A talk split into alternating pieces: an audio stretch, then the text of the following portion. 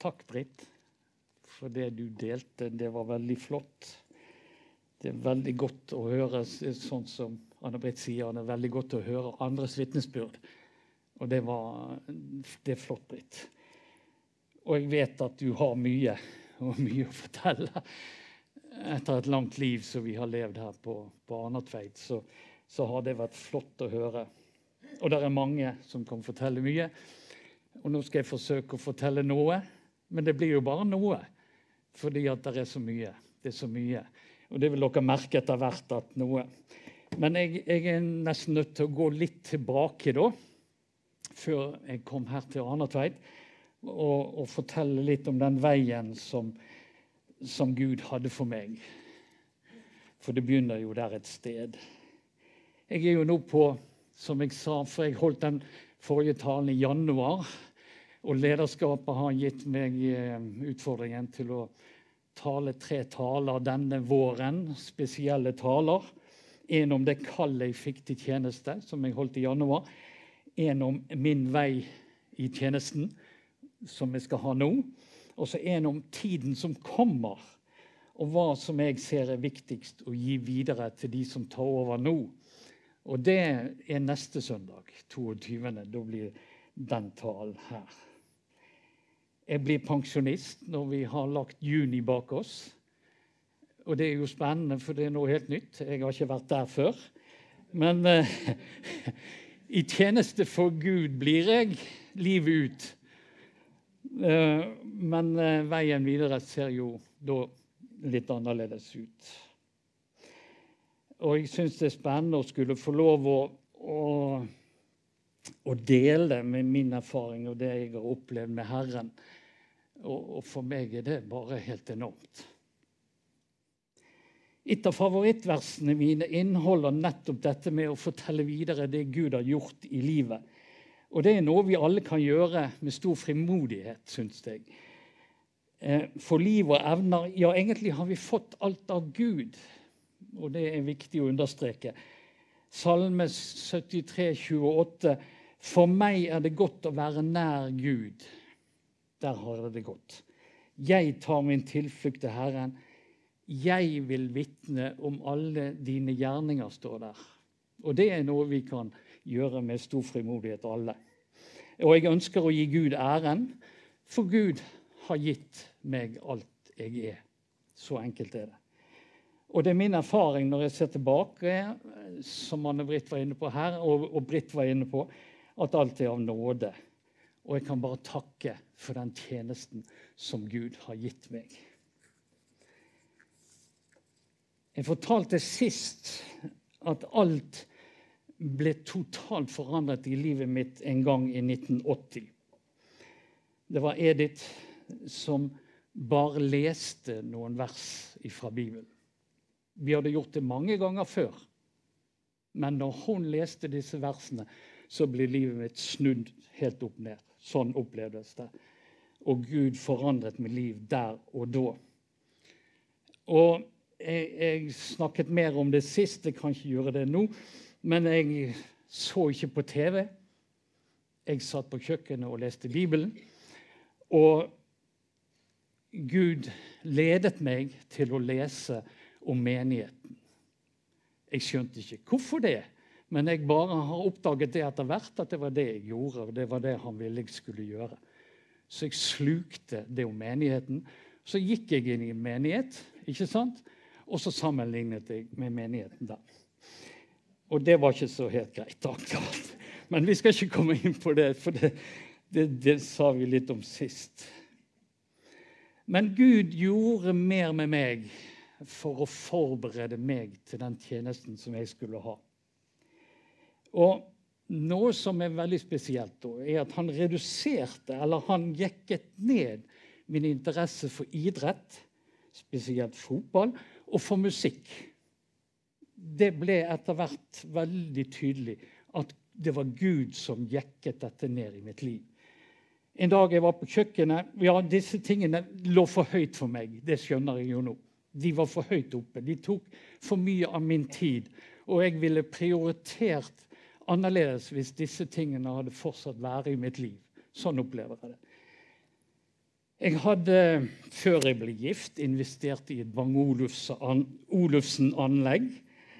For de som kjenner til det, så er det gjerne litt kostbart og dyrt og, og flott og god lyd.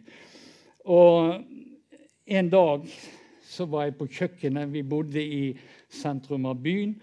Og mens anlegget stod på, så hørte jeg en skrapelyd. Og da da var det platespillerstiften som ble dratt over platen som gikk. Skjønner du? Da var det toåringen vår som hadde fått tak i den. Og armen på platespilleren og skrapte fram og tilbake. Dette var en dyr diamantstift. Og kort fortalt så ble vi uten musikk i, i en tid etterpå. Og da, etter hvert, så begynte det å gå opp for meg at Gud ønsket å dreie mitt fokus. Ikke sant? Det var noe som var viktigere enn fotball og musikk. Og det var det i mitt liv. Og en lengsel etter mer av Guds ord vokste fram. Og jeg liker fortsatt fotball. Og jeg er fremdeles glad i å høre musikk, men det er på et annet nivå. Ikke minst altså da i forhold til tidsbruk. Hva bruker du tiden på? Og så vil jeg understreke at dette er mitt liv. Dette er ikke sikkert sånn Gud vil gjøre det i ditt liv, men han kan gjøre noe som, der han jekker ned noe som er for høyt, for at det vil ikke passe inn i den tjenesten du skal ha for han når du har gitt et lite han.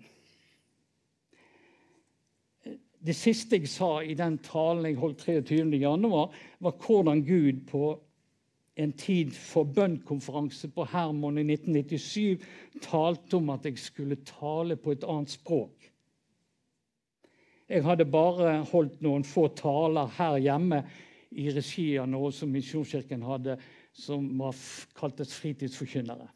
Så det var bare så vidt at jeg hadde talt noe i hele tatt.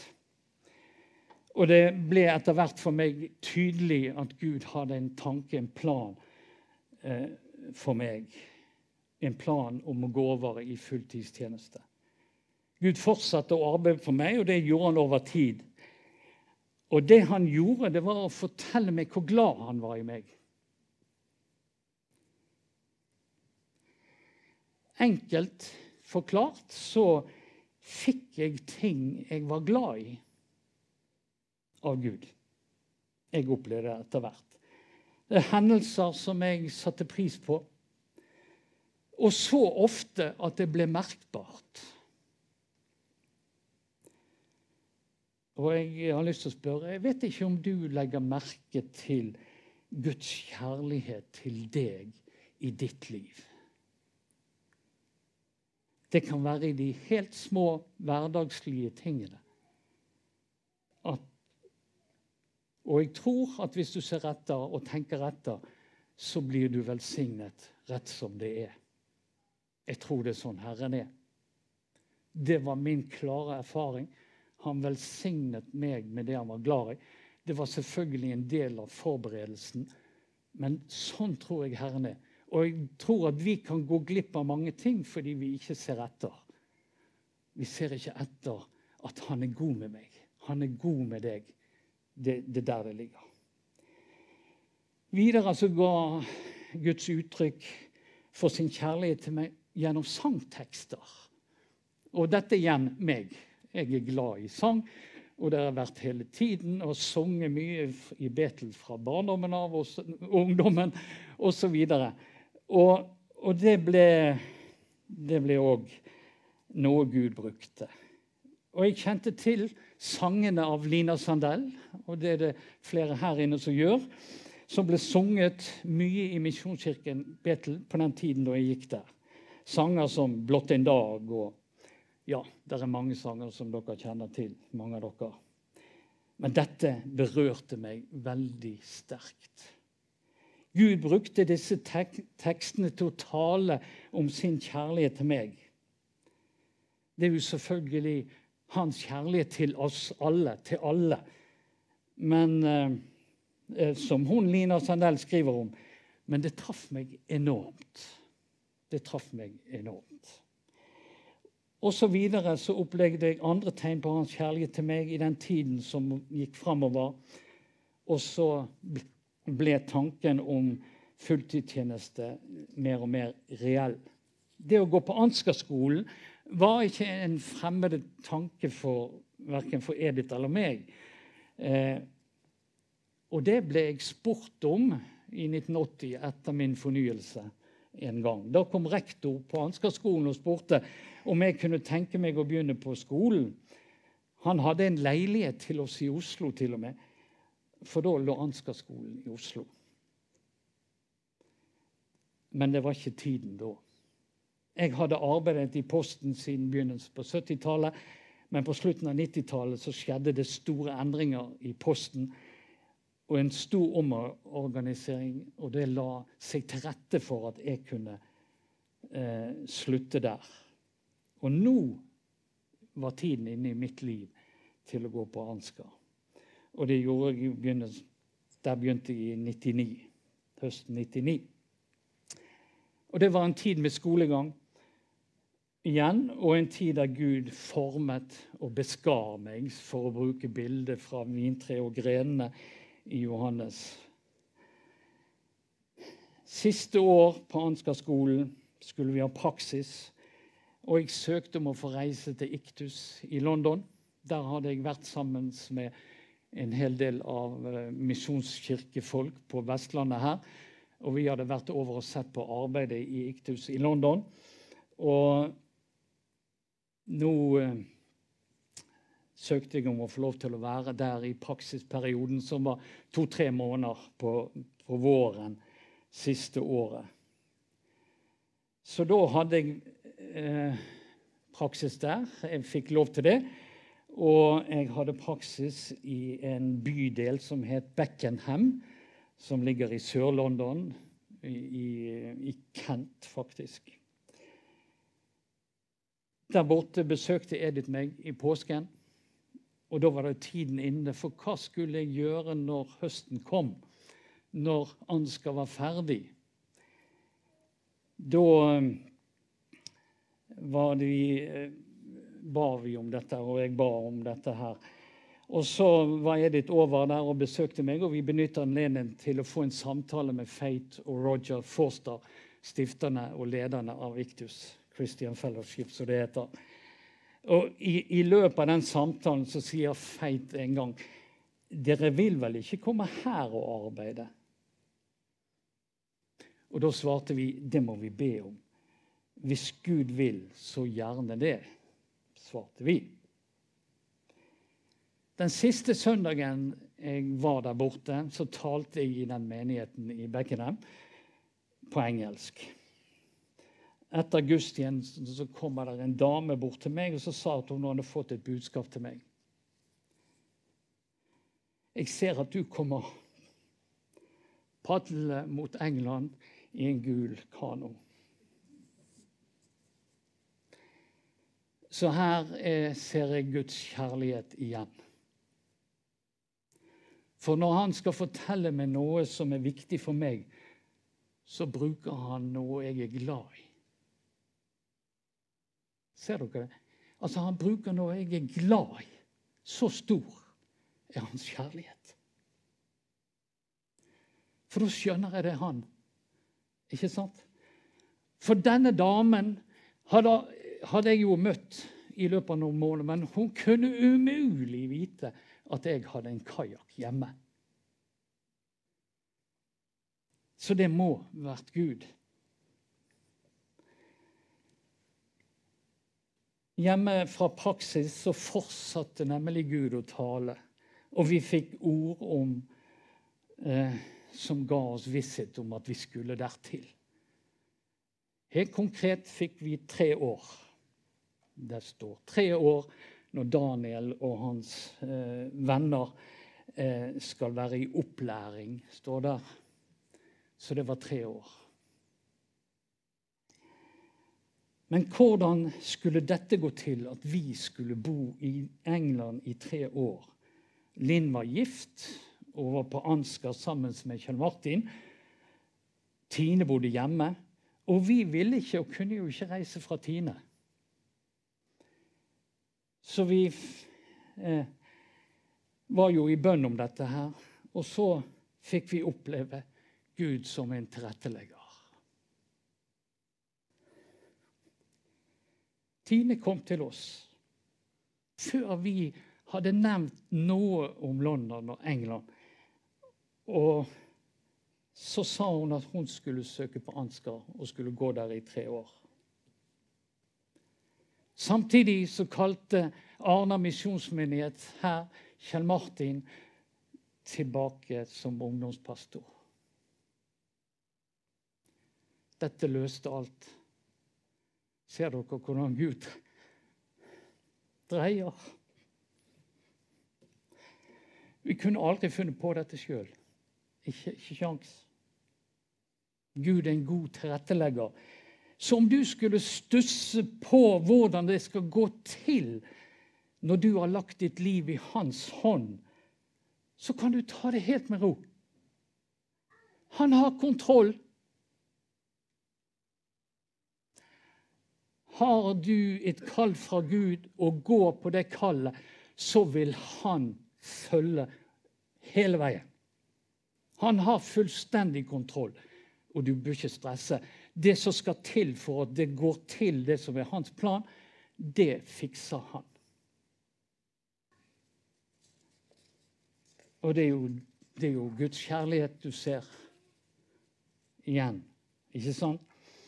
Tiden i London var fullt av nye ting, og vi lærte mye om oss sjøl og menighetsarbeid, om hvordan vi som mennesker er. Det er ikke alltid du får vite av Gud de neste tingene, det neste steget, men du får det når du trenger det. Vi fikk beskjed fra Iktus før vi reiste over, at de skulle sørge for et sted for oss å bo. Og jeg skulle begynne i Beckenham fra 1.9. Og i midten av august visste vi fortsatt ikke hvor vi skulle bo.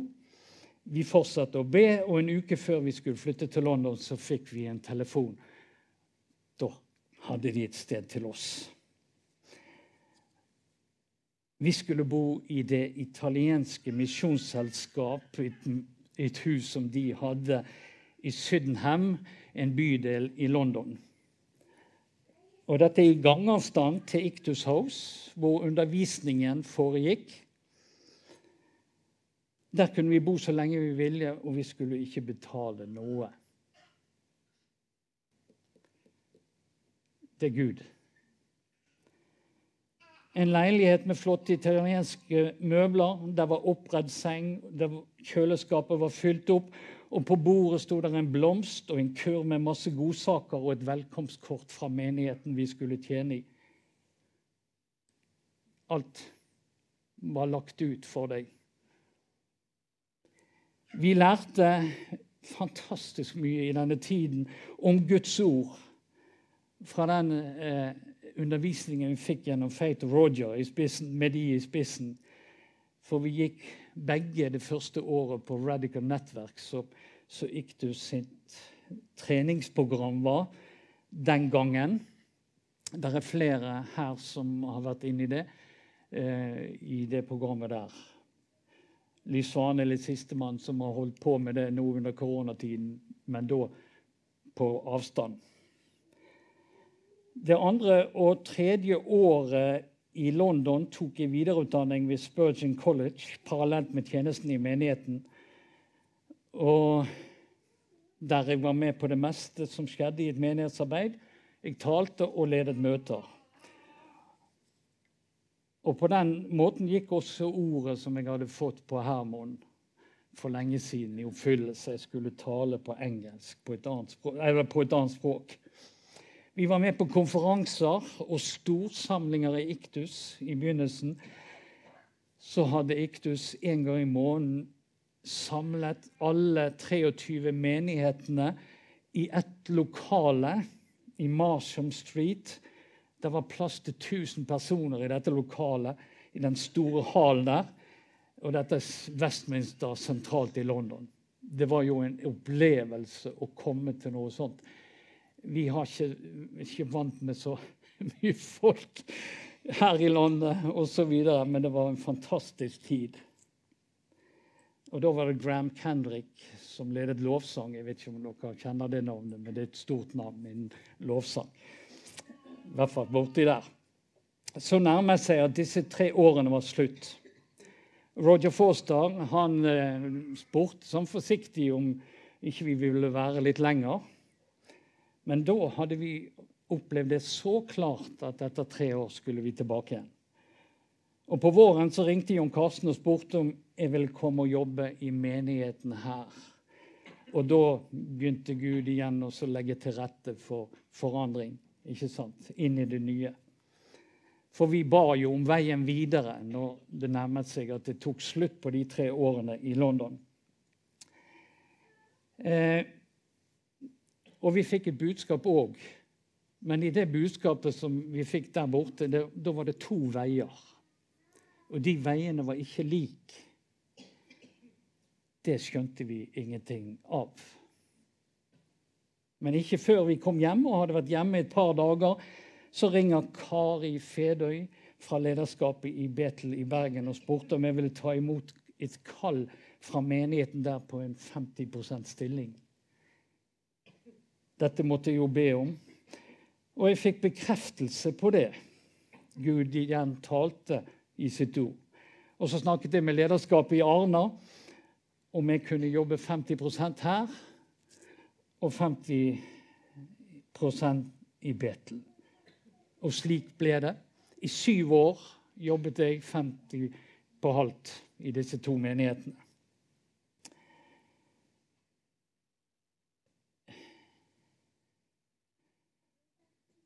Det at Gud viste meg sin kjærlighet til meg før jeg begynte i fulltidstjeneste, er noe som jeg vil understreke har vært svært viktig, og er det for alle som skal ut i tjeneste.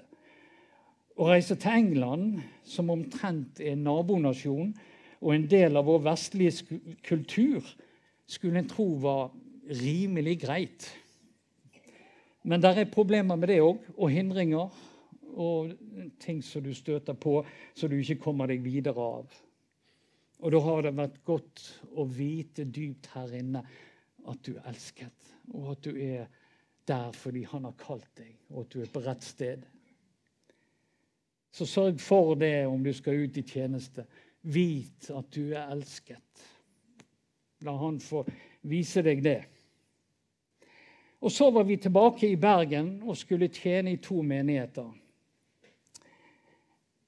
Og Dette opplevde vi som at det var Guds vilje å bli bekreftet, og det var utfordrende og veldig spennende. Nå er jeg eh, litt heldigvis, sier jeg, skrudd sammen slik at jeg er til stede der jeg er. Jeg kan være her. Og om jeg hadde en annen menighet å tenke på, så var den vekke fra min bevissthet når jeg var her, og motsatt. Og det var veldig viktig for meg i den tiden her. Så jeg forsøkte å dele tiden mellom menighetene så best som mulig. Og fikk klarsignal fra lederskapen om at hvis det var behov i en menighet, så kunne jeg bruke mer tid der, og, og vice versa. Sånn at dette fungerte godt, samarbeidet mellom menighetene og, og, denne tjenesten i begge menighetene. I Betel var det gjerne søndag formiddag, og her i Arne hadde vi perioder med kveldsmøter og formiddagsmøter. Sånn at dette passet. Så ofte så eh, var det to gudstjenester hver søndag. Og i begynnelsen talte jeg på begge. Men jeg kjente etter hvert at det ble litt mye. Menighetene er ganske forskjellige, og jeg lærte mye om å tilpasse meg i denne tiden her. Jeg kunne ikke tale som om en tale som jeg hadde holdt i en av menighetene, og bare ta den rett over i den andre menigheten. Eh, det holdt ikke. Jeg måtte tilpasse budskapet hvis jeg kjente at jeg skulle tale om det samme i begge menighetene. Dessuten så gikk temarekke eller gjennomgang av bøker i, i, Guds ord ikke i takt med menighetens vekst og utvikling. Sånn at dette var helt forskjellig. Så jeg måtte gjøre det. Så det er utfordrende å være i to menigheter, og det er nok ikke det ideelle. Men eh, Gud er god. Du er bare et menneske og kan ikke gjøre alle ting som om du hadde vært bare i én menighet. Men jeg opplevde tydelig Guds nåde over denne tiden og den situasjonen. Jeg håper at dere òg gjorde det. I en menighet er behovene og ønskene for hva menigheten skal gjøre og være for den enkelte, omtrent like mange som der er mennesker. Fikk dere med dere det? I en menighet er behovene og ønskene for hva menigheten skal være for en sjøl, omtrent like mange som menneskene totalt. Dette er en del av erfaringen. Så hvis folk kommer med en forventning til menighet, så er det ikke sikkert at menigheten kan stille opp. Eller skal stille opp. Men det som er sikkert, er at Gud vil at vi alle skal bringe oss sjøl og være villig til å tjene med det vi har fått inn i fellesskapet. For da kan både behov og forventning dekkes gjennom den gjensidige avhengighet av Gud. Som ordet sier, tjen hverandre hver med den nådegave han har fått, som gode forvaltere over Guds mangfoldige nåde. Vår forventning til pastor og andre i menigheten sett under ett bør gå til Herren først, først er min erfaring. Vår bønn for våre behov går, må gå til Han som sier Kast alle bekymringer på meg, for jeg har omsorg for dere, sier han. I Salme 55 sier han, 'Kast på Herren det som tynger deg.'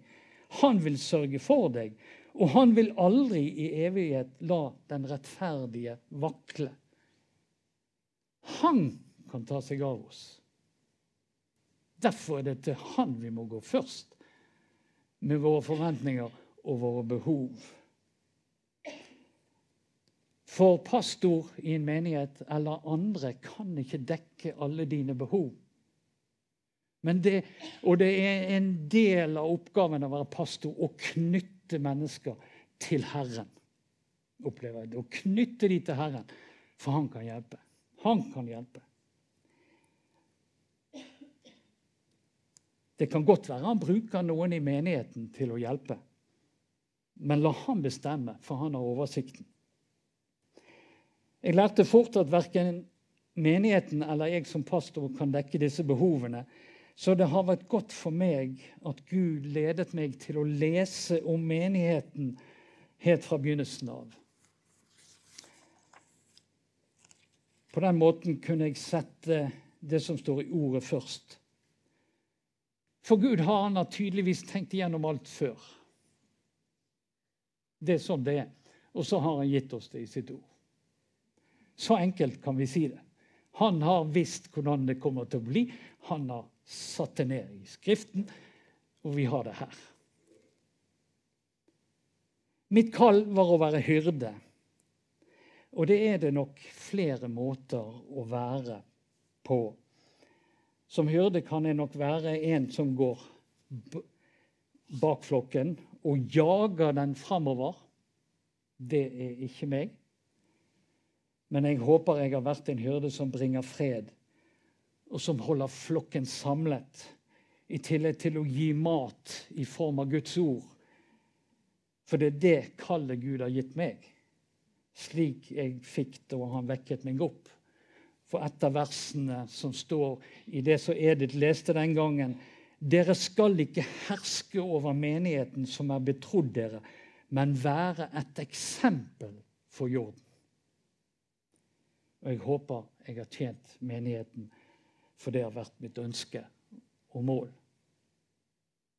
Pastorer er forskjellige og vil aldri kunne være like. Så det nytter ikke å sammenligne en pastor et sted med en annen. Det er ikke, fører ingen vei. Forskjellene er gjerne spesielt tydelige i forkynnelsen. Og jeg har vært den jeg er, med min utrustning og min bakgrunn. De som blir innsatt som pastor i Misjonskirken Norge, blir hilst med bl.a. følgende vers, som blir lest over de under innsettelsen. 2. Timoteus 4, 1 og 2. For Guds og Jesu Kristi ansikt, Han som skal dømme levende og døde, pålegger jeg deg så sant som han kommer og oppretter sitt rike. Forkynn ordet. Stå klar i tide og utide. Overbevis. Tal strengt. Tal trøst. Gi ikke opp når du lærer dem. Det er jo veldig direkte, det der. Tal strengt. Tal trøst. Ta alt med. Og jeg håper at jeg har tatt alt med. Og jeg må si at det er godt for meg når noen responderer etter en tale. 'Takk for talen i dag. Den var til meg.' Etter hvert som årene har gått, har min glede både å forberede forkynnelsen og å forkynne det jeg har fått, økt. Altså, du blir mer og mer glad i Guds ord. Det er mer og mer mat. Og det tar aldri slutt å gi deg noe når du leser Guds ord. Husk det, for det er fantastisk. Der er alltid noe nytt. Der er alltid noe å strekke seg etter. Ja, Gud han vet hva han har gjort. Jo mer jeg ser inn i ordet, lærer jeg, og jo bedre er det. Og jo klarere blir det at ordet er sannhet. Det er sannhet vi har fått. Og jeg har som det ordet jeg fikk som en del av hva jeg skulle gjøre, forsøkt å bringe noe som gir næring til troen. Mat for det åndelige livet til den enkelte.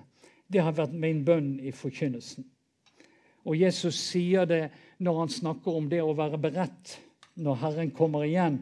Hvem er en klok og tro tjener, en som Herren har betrodd oppsynet med de andre tjenerne, så han skal gi dem mat i rette tid? For en nåde å få gi mat i rette tid. Det kjenner vi hvis vi kan gi noe i rett tid til en som trenger det, en som er sulten. Ikke sant? En som har behov for noe godt. Et trøstens ord eller et oppmuntringsord eller noe som gir retning. Det er bare Guds nåde. I menigheten har det vært viktig for meg å få fram det jeg ser vokse fram i den enkeltes liv. For Gud arbeider.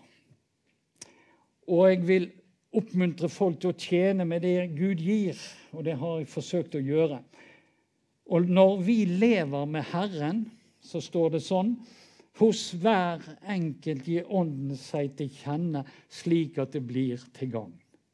Dette har jeg sagt hundrevis av ganger. Altså Når vi lever med Herren, så blir Den hellige ånds liv i oss synlig Sikkert ikke for oss sjøl, først og fremst, men for de andre. Og det er det som jeg har forsøkt å se etter og oppmuntre. Og derav er alle spørsmål om å lede eller om å tale eller gjøre andre tjenester i menigheten. Oppmuntringen i Guds ord er flere og ganske klar. Og nå siterer jeg 1. Peter 4, begynnelsen igjen og litt mer. Tjen hverandre, vær med den nådegave han har fått som gode forvalter over Guds mangfoldige nåde. Den som taler, skal se til at han taler som Guds ord. Og den som tjener, skal tjene med den styrke Gud gir. Slik skal Gud i ett og alt bli æret ved Jesus Kristus. Ham tilhører herligheten og makten i all evighet. Amen. Gud og menigheten trenger alle. Absolutt alle. Alle like viktige. Det gir ordet oss klart. Vi skal ikke gjøre det samme, men det vi skal gjøre, det han vil, og det han utruster oss til. Og æren skal tilfalle Herren, som er den som gir. Og det tar nemlig av noe av presset og prestasjonen for oss som er ufullkomne og avhengige av Hans nåde. Vi skal ære Han med det vi gjør. Vi har gjort mye i denne menigheten. Aktivitetsnivået har vært stort gjennom hele tiden. Vi hadde årsmøte nå på, i uken. Og i årsrapporten, så, dette sa jeg på årsmøtet òg, så, så, talte jeg over 80 personer som har en eller annen liten lederfunksjon her i menigheten. Over 80. Det sier litt om at vi er en aktivitetsmenighet, gjerne. Men det er ikke unaturlig at det er slik. For menigheten startet pga. voksne barne- og ungdomsarbeid, som vi hørte Britt nevne. I dette arbeidet har det vært arrangert helgeturer, leirer osv. i regi av de enkelte gruppene. Og i tillegg, og nå nevner jeg masse, så har vi drevet med alfakurs, kveldsbibelskole. Vi har vært vertskap for og arrangert årlige bønnesamlinger, konferanser kalt Tid for bønn på Hermon høyfjellssenter. Og så her i menigheten, og vi var innom Åsane. Vi har arrangert Colombia Bazaar, der vi har samlet inn penger til barn og unge i Colombia i nesten 50 år. For det begynte før menigheten begynte vi å samle inn til gatebarn i Colombia. Så har det gått over til Esperanza etter hvert. Vi har som menighet deltatt på diverse arrangementer i regi av Misjonskirken Norge, som vi tilhører. Liv og vekst var nevnt her. Generalforsamling osv. Eh, det er kurs osv. Vi vært en pådriver for samarbeid blant misjonskirkene menighetene her i regionen og det tverrkirkelige arbeidet i Arna. Vi har vært med på å bygge opp Radetun og leirsted og brukt det sammen med mange andre menigheter i regionen. Vi har arrangert talentkonkurranse i bygden.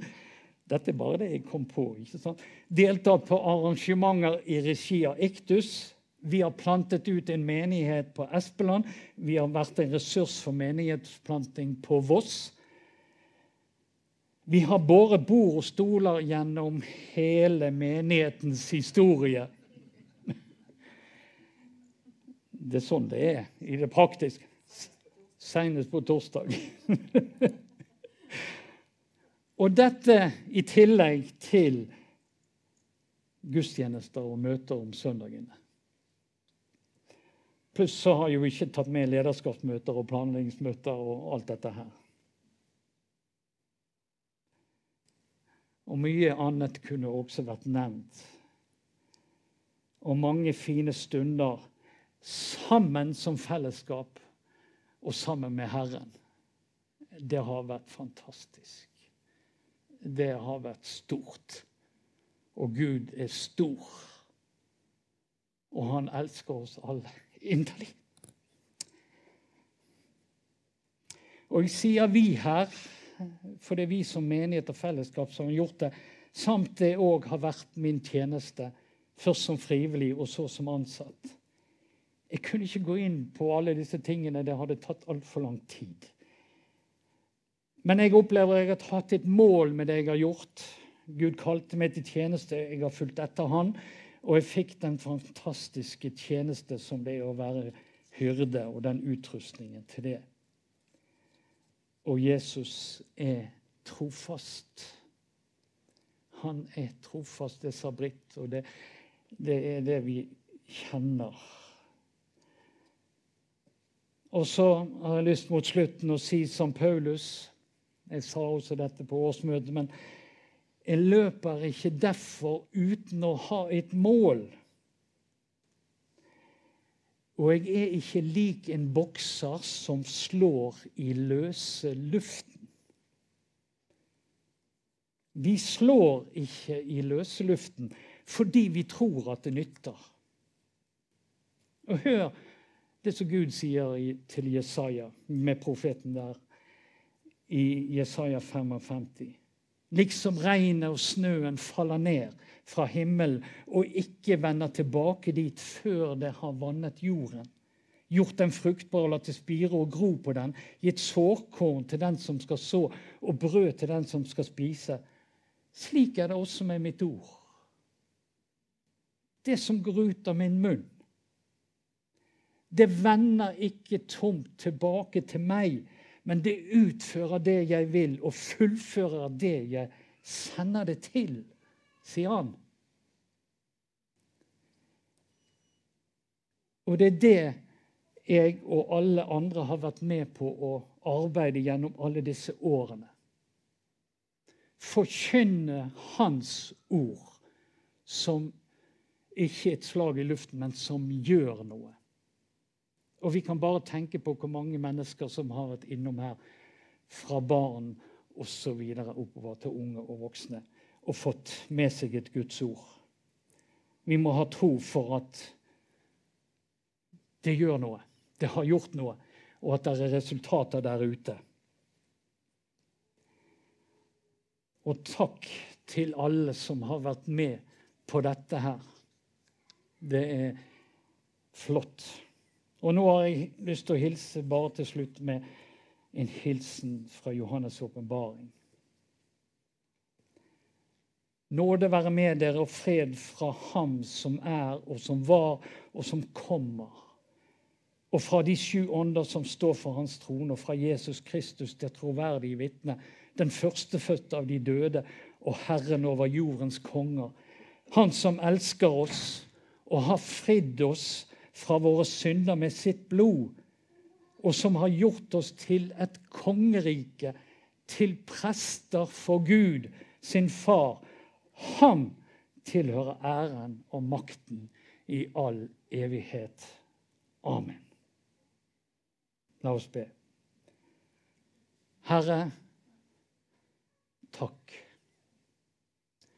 Takk for det du har gitt oss. Takk for liv og tjeneste. Takk for menighet. Takk for fellesskap. Takk for fellesskap i bygden. Takk for fellesskap videre utover, Herre. Ja, vi bare takker deg for at vi får kjenne at vi hører til. At vi har den samme Herre. Vi kjenner det i våre hjerter, og vi fryder oss over hverandre og får lov til å glede oss over, over det gode som vi har fått være med på. Herre, det er bare din nåde alt sammen, og vi takker deg og vi gir deg ære. Og så ber vi, Herre, for fortsettelsen. Vi ber for den tiden vi lever i nå, Herre. Du ser i Europa er det krig, Herre. Kom med fred. Vi ber, kom med fred.